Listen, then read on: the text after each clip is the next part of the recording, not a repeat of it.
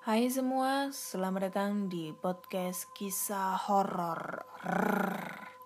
Masih bersama dengan saya Ana di sini yang akan membacakan cerita-cerita horor yang sudah dikirimkan teman-teman melalui podcast kisah horor. Horor. Aduh. Podcast kisah horor. Nah, ini baru bener at gmail.com ataupun di DM Instagram Ana Olive.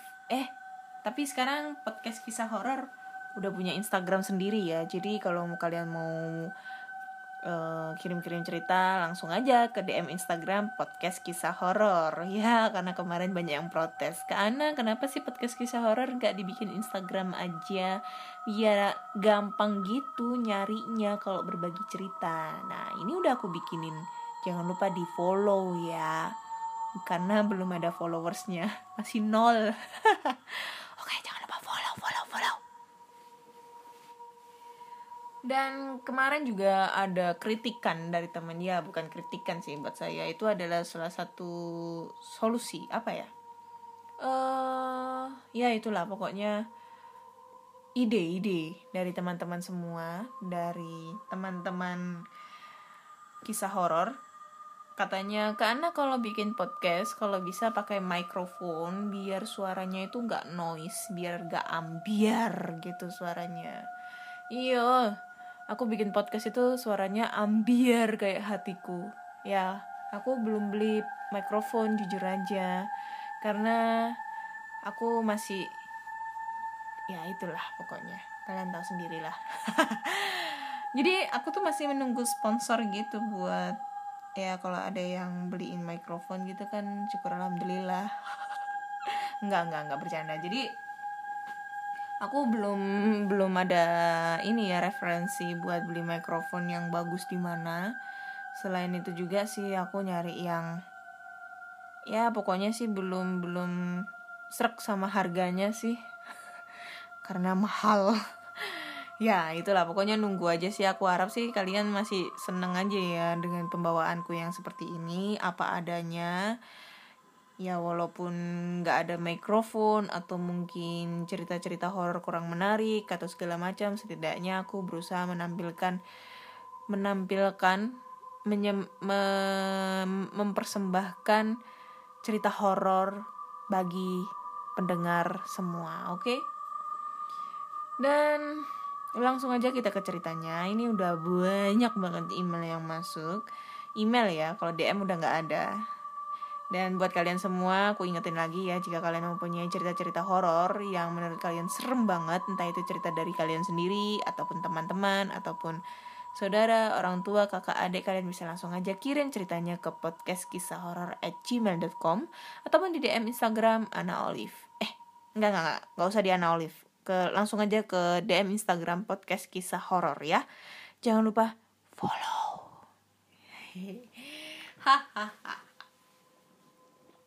Oke, langsung aja kita bacakan ceritanya. Sebelum itu jangan lupa matikan lampu, tutup pintu rapat-rapat dan pasang headset kalian. Jangan jangan lupa volumenya dikerasin ya. Siapa tahu di saat kalian sedang fokus mendengarkan cerita horor, ada sesosok bayangan yang sedang mengintai di dalam kamar kalian. Selamat mendengarkan.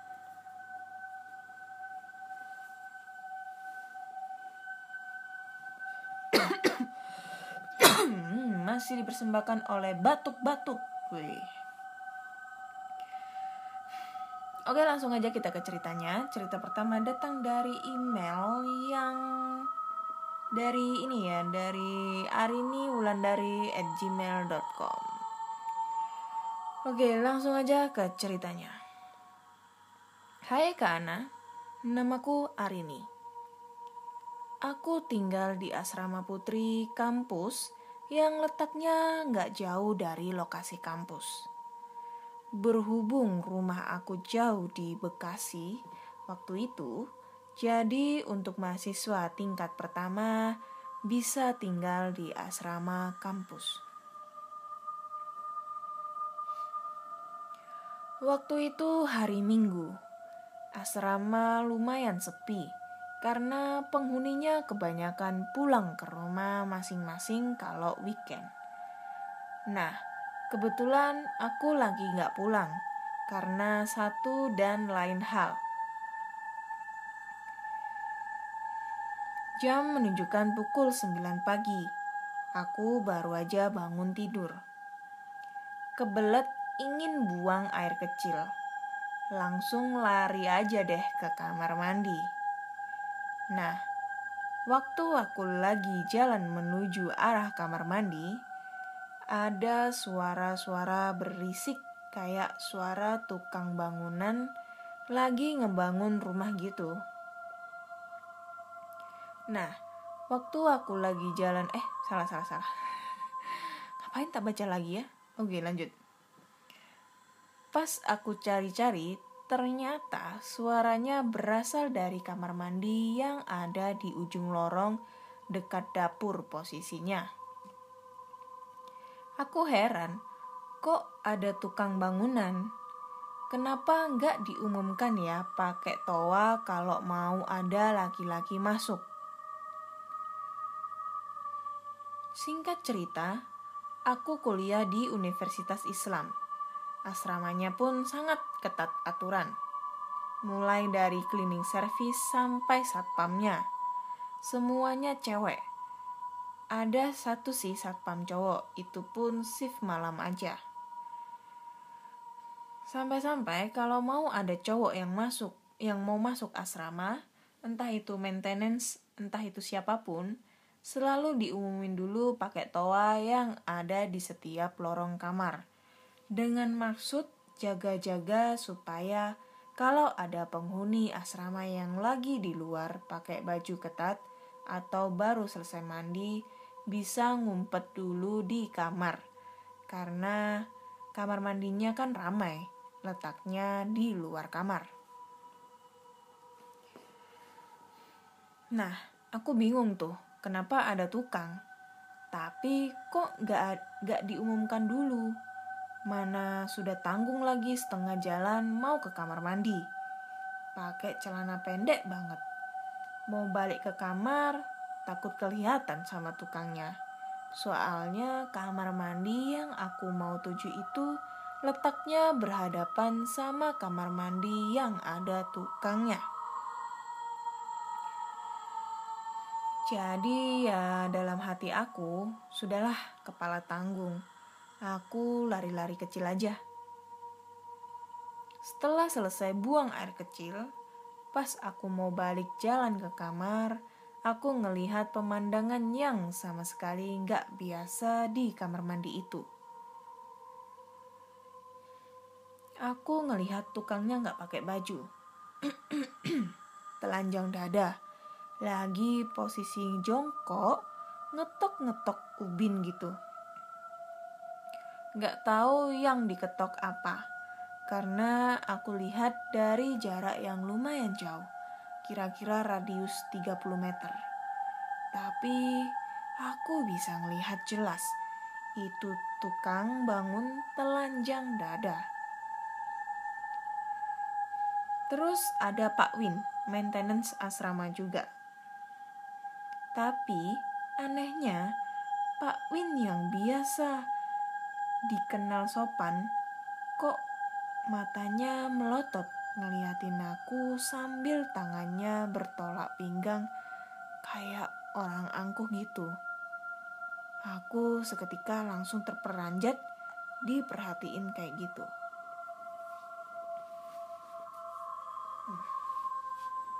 Apalagi saat itu aku lagi dalam keadaan pakai baju yang terbuka dan celana pendek pula. Dalam hati Aduh, mampus deh aku. Ya udah, aku lari menuju ke kamar.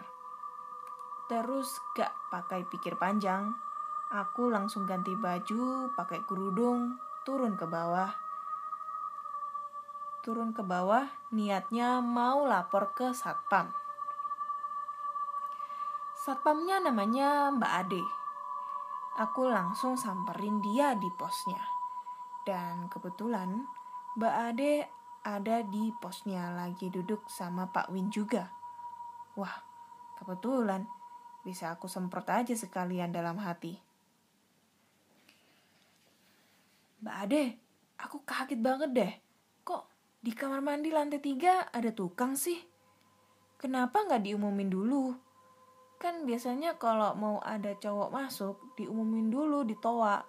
Kan aku kaget, lagi pakai celana pendek, bangun tidur, mau buang air kecil, nggak nggak ngeh kalau ada tukang bangunan. Mana telanjang dada lagi tukangnya? Gak sopan. Namun Mbak Ade reaksinya cuman bengong. Aku semakin emosi. Bapak juga gak sopan. Mentang-mentang saya pakai celana pendek, mata bapak melototin saya nggak berhenti. Pakai tolak pinggang sekali lagi. Jangan begitu dong pak. Hargain penghuni asrama ini, kan semuanya berjilbab. Kita kan nggak tahu ada cowok apa enggak di luar kalau nggak diumumin dulu. Wih. Berani banget ya dia. Marah-marahin orang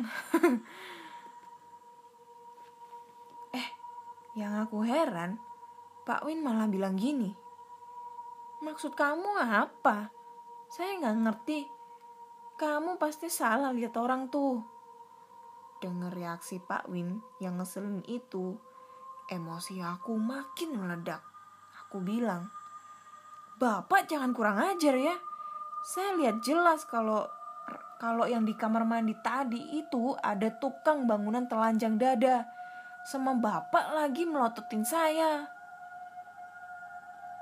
Terus Mbak Ade nengahin. Sudah ya, jangan ribut. Kamu Fatimah, Gak ada hujan, gak ada angin, tiba-tiba nyamperin kita marah-marah nih kenapa? Ada apaan sih sebenarnya? Saya nggak ngerti. Coba jelasin, gak usah pakai emosi, biar kita paham. Kata Mbak Ade. Ya sudah, akhirnya aku jelasin lagi deh kronologinya. Mulai dari aku bangun tidur, kebelet buang air kecil, ngelihat tukangnya telanjang dada lagi jongkok di kamar mandi seberang yang posisinya di ujung lorong dan ngelihat Pak Win melotot. Bla bla bla bla bla. Sampai akhirnya Mbak Ade sama Pak Win main pandang-pandangan. Mereka, muka mereka benar-benar kebingungan. Akhirnya, Pak Win buka suara. Maaf ya, Neng saya nggak pernah naik masuk ke asrama kalau nggak ditemenin sama Mbak Ade. Ini aja saya baru sampai, baru aja duduk. Kalau nggak percaya silahkan lapor aja ke Bu Asrama. Di situ aku bukannya kaget, tapi malah semakin emosi. Soalnya aku jelas banget ngelihat Pak Win sama tukang itu. Aku dalam kondisi sadar sesadar-sadarnya. Akhirnya aku pun naik ke kamar. Gak lama aku naik ke kamar, ada yang ketok pintu. Ternyata Mbak Ade bilang kalau aku dipanggil sama ibu asrama. Ya sudah, aku langsung turun ketemu ibu asrama. Di situ ibu cerita. Fatimah, Tadi ibu dapat laporan kalau kamu ngeliat tukang di kamar mandi. Aku jawab, iya bu. Kamu yakin? Emang yang kamu lihat apa? Coba ceritain. Terus aku ceritain lagi deh tuh kronologinya. Ibu asrama langsung kaget. Terus bilang kalau Pak Win itu ternyata baru datang. Terus ibu asrama berani jamin dia nggak pernah manggil-manggil tukang siapa pun selain Pak Win. Karena Pak Win maintenance khusus asrama ini. Terus aku langsung pucat. Aku nanya, terus yang saya lihat tadi itu siapa bu? Eh, bu asramanya malah bilang gini. Ya sudah Fatimah, gak usah diributin lagi Sebenarnya ibu sudah banyak terima laporan dari anak-anak. Malah ada yang lebih parah dari kamu. Dia lagi wudhu mau sholat tahajud jam 2 malam, ngelihat cewek pakai baju merah tiduran di kamar mandi. Coba kamu bayangin, mana ada cewek malam-malam tidur di kamar mandi? Orang gila apa? Ya sudah, sekarang gini aja. Kamu nggak usah ceritain ini ke siapa-siapa ya. Takut jadi heboh. Akhirnya aku cuman bisa diam seribu bahasa. Shock bukan kepalang, karena inilah pertama kalinya aku ngelihat hantu. Real, menyerupai manusia. Aku pun langsung cerita ke mamaku dan mamaku kaget, tapi cuma bisa nasehatin. Jangan tinggalkan sholat, ngaji, baca rotib. Selang satu bulan setelah kejadian itu, singkat cerita, mamaku lagi di dalam pus. Sepulang nengokin aku dari asrama. Sekalian bawain baju aku yang sudah gak dipakai lagi dibawa pulang mama. Mama bawa pakai tas jinjing yang agak besar waktu itu. Terus, bapak yang duduk di sebelahnya, Mama nanya, Ibu habis pulang kampung ya?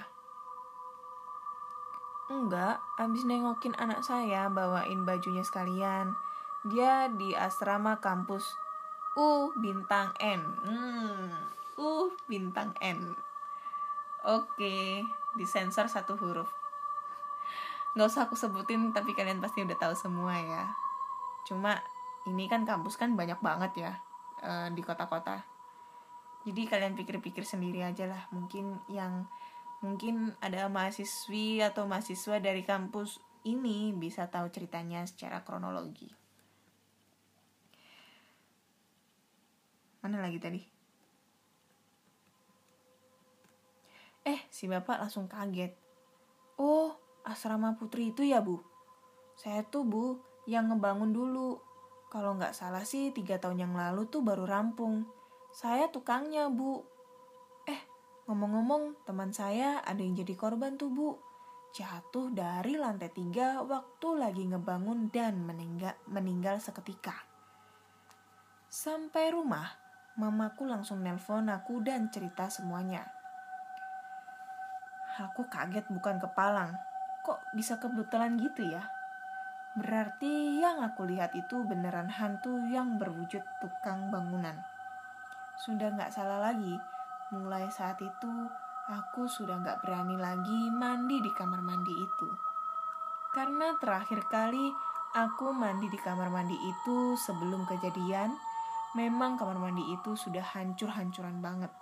Plafonnya udah tuh udah runtuh setengah, kamar mandinya juga kotor dan kering banget kayak nggak pernah dipakai berbulan-bulan. Oke, cukup sekian dulu cerita aku kali ini ke Ana. Mohon maaf kalau ceritanya sangat panjang. Wassalamualaikum warahmatullahi wabarakatuh.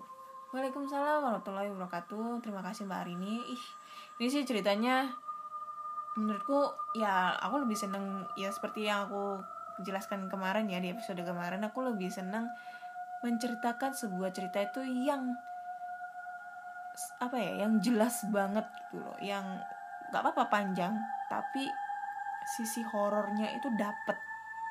Nggak pakai ditambah-tambahin nggak pakai dikurang-kurangin nggak pakai dilebay-lebayin itu deh.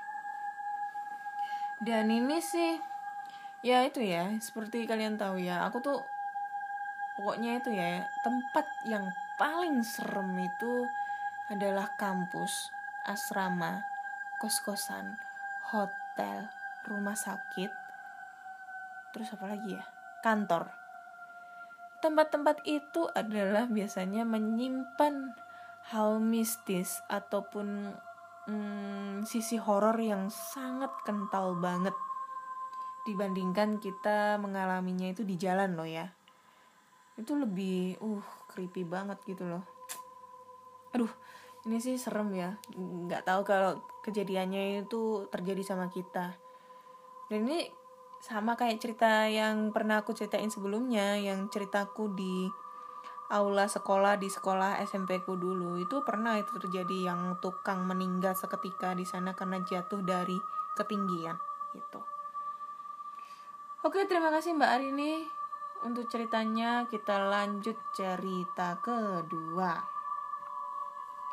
Cerita kedua datangnya dari DM yang tidak mau disebutkan namanya. Oke, langsung aja kita ke ceritanya. Aku tinggal di sebuah desa yang bisa dibilang terpencil, meskipun listrik sudah lama masuk. Namun, suasana desa yang sepi dan agak ke dalam menjadikan desaku lumayan seram di saat malam. Nah, Kejadian ini terjadi pada tahun 2011. Saat itu aku masih sering mengaji ke langgar di desaku. Langgar itu uh, ini ya. Apa? Ini aku udah ceritain belum ya?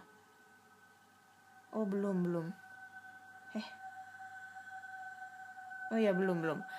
Belum ya, ini aku belum ceritain. Sorry, sorry, sorry. Soalnya aku kayaknya aku dengar dengar kata langgar itu kayak cerita episode sebelumnya gitu loh. Langgar itu musola ya. Nah pada waktu itu guru ngajiku dapat bantuan dari seseorang untuk membangun langgar karena yang langgar yang lama mau dijadikan untuk santri putri. Beberapa hari pun berlalu dan langgar baru pun sudah selesai dibangun dan siap ditempati.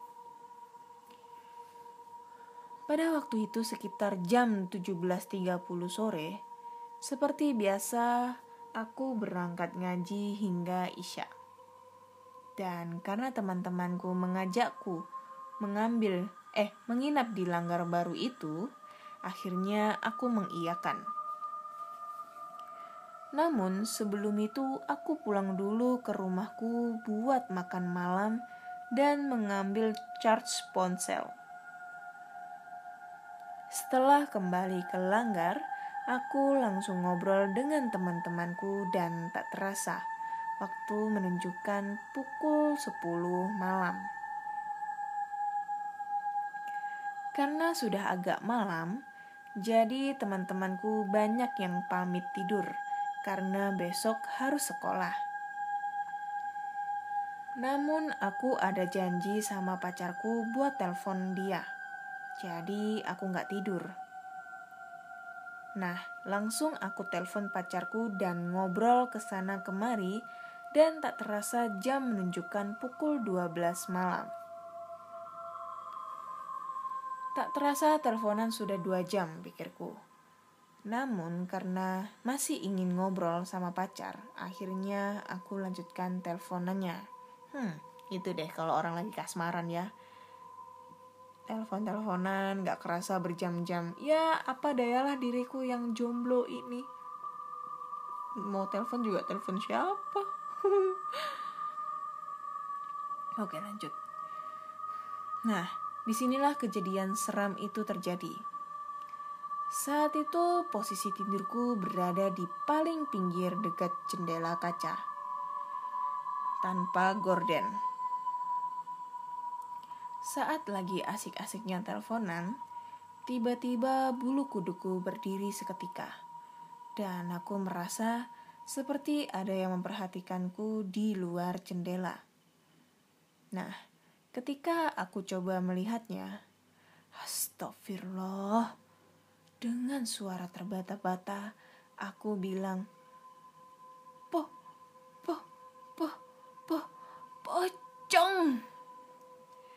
Secepat kilat, aku lari ke tengah-tengah temanku yang sedang terlelap dan menutup seluruh tubuhku dengan sarung.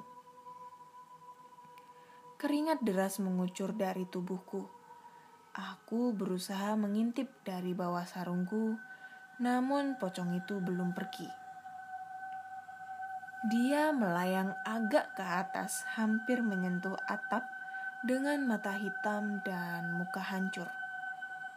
Aku tetap dalam posisi seperti itu sampai pagi. Setelah kejadian itu, aku tidak berani menginap di langgar itu lagi. Nah, ini cerita ya, menurutku bete banget ya. Kalian tahu kan bete-nya itu di mana? Iya, biasanya itu kan musola, langgar ataupun masjid itu kan pintunya itu kan terbuat dari kaca ya. Dan kacanya ini kan biasanya ya tembus pandang lah. Biasanya itu tanpa gorden gitu kan kacanya. Nah bete bangetnya itu di saat kita ngobrol ya lagi asik-asik asik-asiknya ngobrol sama pacar eh, hahaha hihihi gitu kan kita ketawa. Terus posisi tidur kita tuh miring miring tapi posisinya itu menghadap ke kaca yang notabene-nya tuh kacanya itu nembus ke area depan musola. Dan pada saat kita lagi asik-asiknya ngobrol tanpa sengaja kita melihat ada sesosok hantu, setan, pocong, kuntilanak yang berada di luar musola. Gimana nggak creepy-nya itu? Gimana nggak bete-nya kita ngeliat kayak gitu kan? Kalau aku sih bete banget. Apalagi pas posisi semisalnya ya kita lagi ya pertamanya posisinya membelakangi kaca. Habis itu pas kita berpindah posisi menghadap ke kaca wow di samping kita itu di hadapan kita itu ada muka pocong yang terpisahkan oleh kaca. Uh creepy banget itu sumpah. Aduh gak bisa ngebayangin itu. Oke okay Terima kasih untuk cerita kedua dan kali ini kita akan ke cerita terakhir. Oke. Cerita terakhir ini datang dari email yang tidak mau disebutkan namanya lagi. Waduh. Tak asik deh kalau nggak nyebutin nama, tapi ya udahlah nggak apa-apa. Hmm, aku mulai ceritanya. Awal mula cerita ini adalah ketika istriku ingin jalan-jalan di kota Ngawi, tempat kelahiranku. Kebetulan istriku orang Madiun. Istriku kerja sebagai guru di SMK swasta di Madiun, dan aku seorang wira swasta. Aku buka usaha di Ngawi, sedangkan istriku kerja di Madiun. Akhirnya, mau tidak mau, aku harus mengalah untuk pindah ke Madiun dan pulang pergi Madiun Ngawi naik sepeda motor setiap harinya. Karena pada malam hari itu istriku ingin jalan-jalan di Ngawi, aku menurutinya. Kami berangkat dari Madiun jam 7 malam. Waktu keberangkat waktu berangkat untuk mempersingkat waktu, kami melalui jalur alternatif melewati sebuah desa yang memiliki hamparan sawah yang luas tapi minim penerangannya. Tepatnya di desa Kwadungan Ngawi. Hmm, Kwadungan Ngawi. Ya, mungkin ada yang rumahnya di daerah sana. Wih, menurut kalian serem nggak itu tempatnya? Oke, lanjut lagi. Saat keberangkatan memang tidak ada hal yang aneh atau hal semacamnya. Dan waktu pulang jalan-jalan dari Ngawi pun tidak ada hal aneh pula. Kami pulang dari Ngawi saat itu kurang lebih jam 9 malam. Waktu itu kami jalan-jalan di Ngawi pada malam Jumat Kliwon. Itu tanpa aku sadari sebelum melihat hari dan tanggal waktu kejadian. Singkat cerita, setelah kami berdua pulang ke Madiun, ternyata ada kepentingan mendadak yang membuatku harus pulang lagi ke Ngawi karena ada sanak saudara masuk rumah sakit. Saat itu istriku ingin ikut, tapi aku tidak mengizinkannya. Karena besok dia harus masuk sekolah untuk mengajar. Mau tidak mau, akhirnya aku berangkat sendiri, dan aku orangnya bisa dibilang nekat. Pada saat itu berangkat dari Madiun jam 11 malam dan melalui rute alternatif sama yang minim penerangan. Pada awal keberangkatan menuju Ngawi, aku sudah memiliki firasat bakal bertemu sesuatu. Saat melewati hamparan sawah yang sangat luas tersebut, hanya aku saja yang berkendara, dan tidak ada pengendara lain yang lewat. Waktu aku berkendara tepatnya di daerah Kuadungan, aku melihat sosok bapak-bapak berjalan kaki mengenakan pakaian putih, celana hitam. Saat itu terlihat jelas karena orang tersebut terkena cahaya lampu motorku. Dalam hati aku berkata, Alhamdulillah, ternyata aku nggak sendirian lewat tempat gelap ini. Tetapi yang membuatku curiga adalah kenapa bapak tersebut berjalan kaki tanpa membawa penerangan apa pun. Biasanya kalau penduduk desa setempat kalau lewat daerah tersebut pasti minimal naik sepeda dan membawa lampu senter serta tidak ada yang berani jalan kaki. Aku bisa tahu karena setiap harinya aku melewati daerah tersebut. Bapak itu berjalan di depanku kurang lebih dengan jarak motor eh kurang lebih dengan jarak sekitar 50 meter. Kondisi saat itu sedang gerimis Aku mulai curiga saat melihat bapak itu.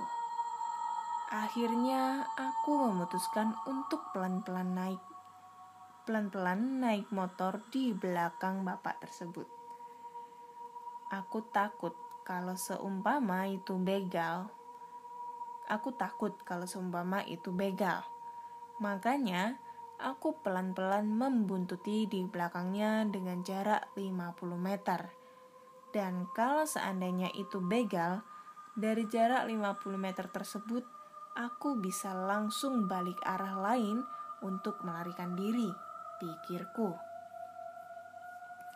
Tapi anehnya, saat aku membututi, seakan-akan bapak yang berjalan seorang diri itu tahu aku sedang membuntutinya. Lalu dia berhenti tapi tidak menengok ke belakang tepat ke arahku. Hmm. Aduh, suasana semakin merinding guys ini ya. Entah kenapa ya, udah jam 1 lewat 45 ini. Oke, okay. karena dia berhenti, malah aku memilih tancap gas. Dan saat aku melewatinya, bapak tersebut berubah menjadi kucing hitam dengan mata yang bersinar melihat dengan mata yang bersinar melihatku tancap gas. Aku kira hantu tersebut tidak mengikutiku.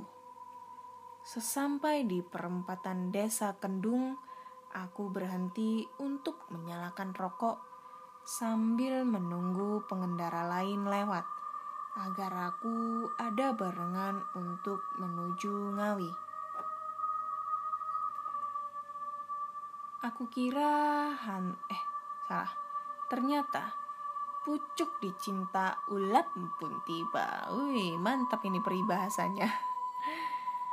Tak berapa lama, kebetulan ada pengendara motor lewat motor lain lewat. Lantas, aku segera menghidupkan motorku dan membuntutinya dari belakang juga dengan jarak 20 meter. Tapi ternyata dia melewati arah desa Kandangan. Setauku jalan tersebut sedang diaspal untuk perbaikan dan hanya bisa dilewati sepeda motor. Wait, wait, wait, wait. Bentar.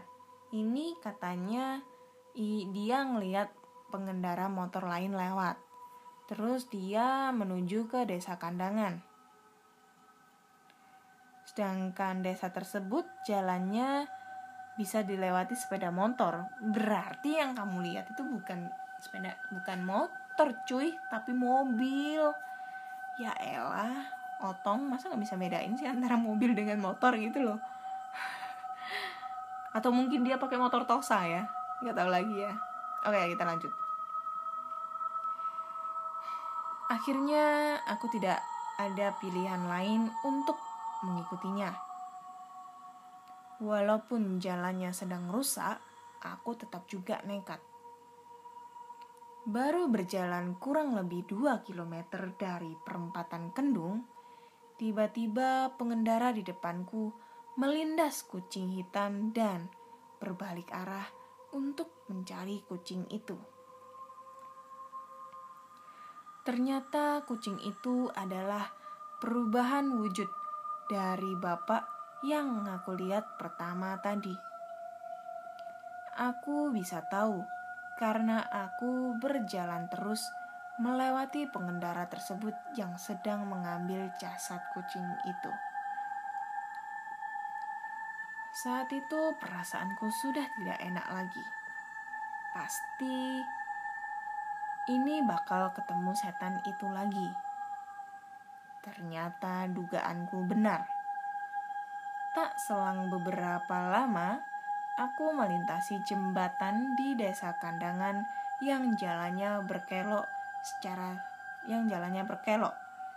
Secara tiba-tiba muncul sosok genderuwo berjalan di samping kananku.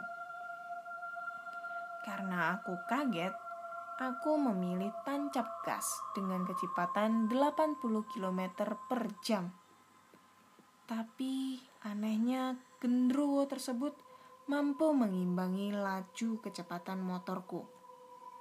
Hmm, ya iyalah.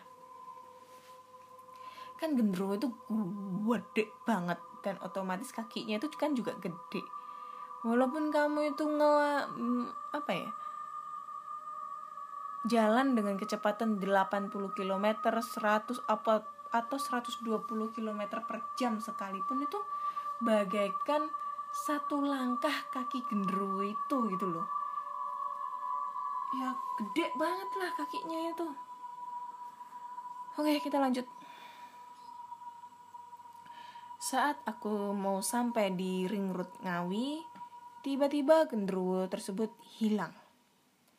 Aku sampai Ngawi sekitar jam 12 dini hari Aku tidak bercerita langsung ke keluargaku, keluarga besarku tentang kejadian ini. Setelah aku menjenguk sanak keluarga di rumah sakit, aku memutuskan tidur di rumah Ngawi saja. Kebetulan di rumahku Ngawi, kakakku memiliki bayi yang berusia tiga bulan. Saat aku sampai di rumah Ngawi, Secara tiba-tiba, keponakan bayiku menangis tiba-tiba di dalam kamar. Mungkin karena tahu bahwa aku dibuntuti gendruwo itu sampai rumah. Saat itu ponakanku bayi menangis terus sampai pagi. Ketika esoknya aku baru cerita ke keluargaku. Hmm ceritanya udah habis guys. Ya emang sih ya.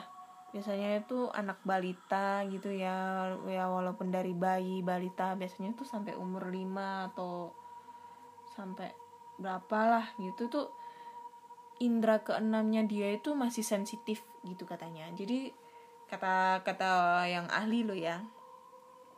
Jadi katanya itu kalau masih kecil itu biasanya tuh kan orang itu kan kalau masih kecil itu kan masih belum punya dosa ya.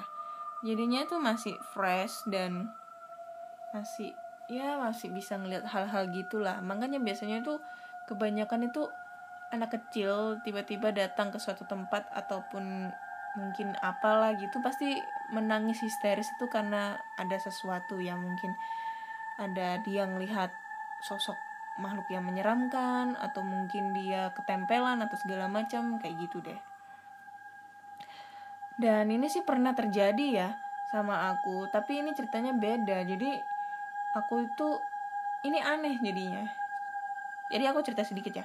Ini aneh itu menurut yang menurutku jadi aneh adalah ketika ada pengendara lain menabrak seekor kucing yang aku tahu loh ya seharusnya yang mendapat sial itu adalah si penabrak kenapa kok si mas ini yang malah mendapatkan kesialan gitu loh?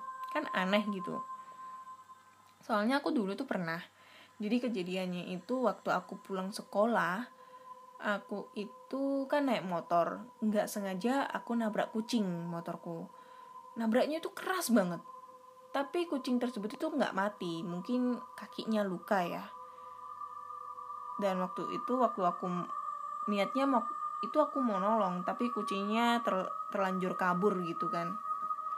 Dan pada saat itu juga nggak jauh ya nggak jauh lah kurang lebih 5, 5 atau 10 meteran itu ban motorku tiba-tiba pecah. Gitu sobek. Itu ban luar yang sobek. Luar dalam. Padahal aku cek itu nggak ada paku nggak nginjek apa pun kita nggak nabrak apa pun soalnya nggak ngerasa cuma ngerasanya itu ditabrak kita nabrak kucing itu aja. Tapi bisa bikin pecah ban. Nah itu yang bisa aku percaya banget bahwa kalau kita menabrak kucing itu bisa mendapatkan kesialan kayak gitu deh. Apalagi kucing hitam lagi uh. oke cukup sekian dulu cerita kali ini. Udah tiga cerita yang aku uh, bacain. Ini udah udah 41 menit ya. Udah panjang banget ceritanya. Oke okay, uh, cukup sekian dulu video ke eh video ke YouTube aja. Cukup sekian dulu cerita kali ini. Jika kalian suka kalian bisa langsung follow uh, podcast kisah horor ini agar kalian selalu update tentang cerita-cerita horor terbaru. Jangan lupa follow instagram baru podcast kisah horor. Dan kalian bisa langsung kirim ceritanya melalui DM podcast kisah horor ya. Dan jika kalian mempunyai uh, senang dengan cerita-cerita horor lainnya kalian bisa langsung pantengin uh, di channel YouTube aku namanya Ana Olive. Di situ channel YouTubeku berisi tentang explore tempat-tempat terbengkalai dan uh, cerita horor ya. Karena memang aku sekarang lagi nggak explore dulu. Ya ini ya karena pandemik ya. Surabaya lagi uh, lagi darurat banget jadinya aku nggak berani ke mana-mana. Jadi untuk sementara aku masukin cerita-cerita horor gitu. Oke? Terima kasih semuanya sudah ngedengerin. Jangan lupa uh, kirim cerita kalian ke podcast kisah horor at gmail.com oke? Okay? terima kasih dan sampai jumpa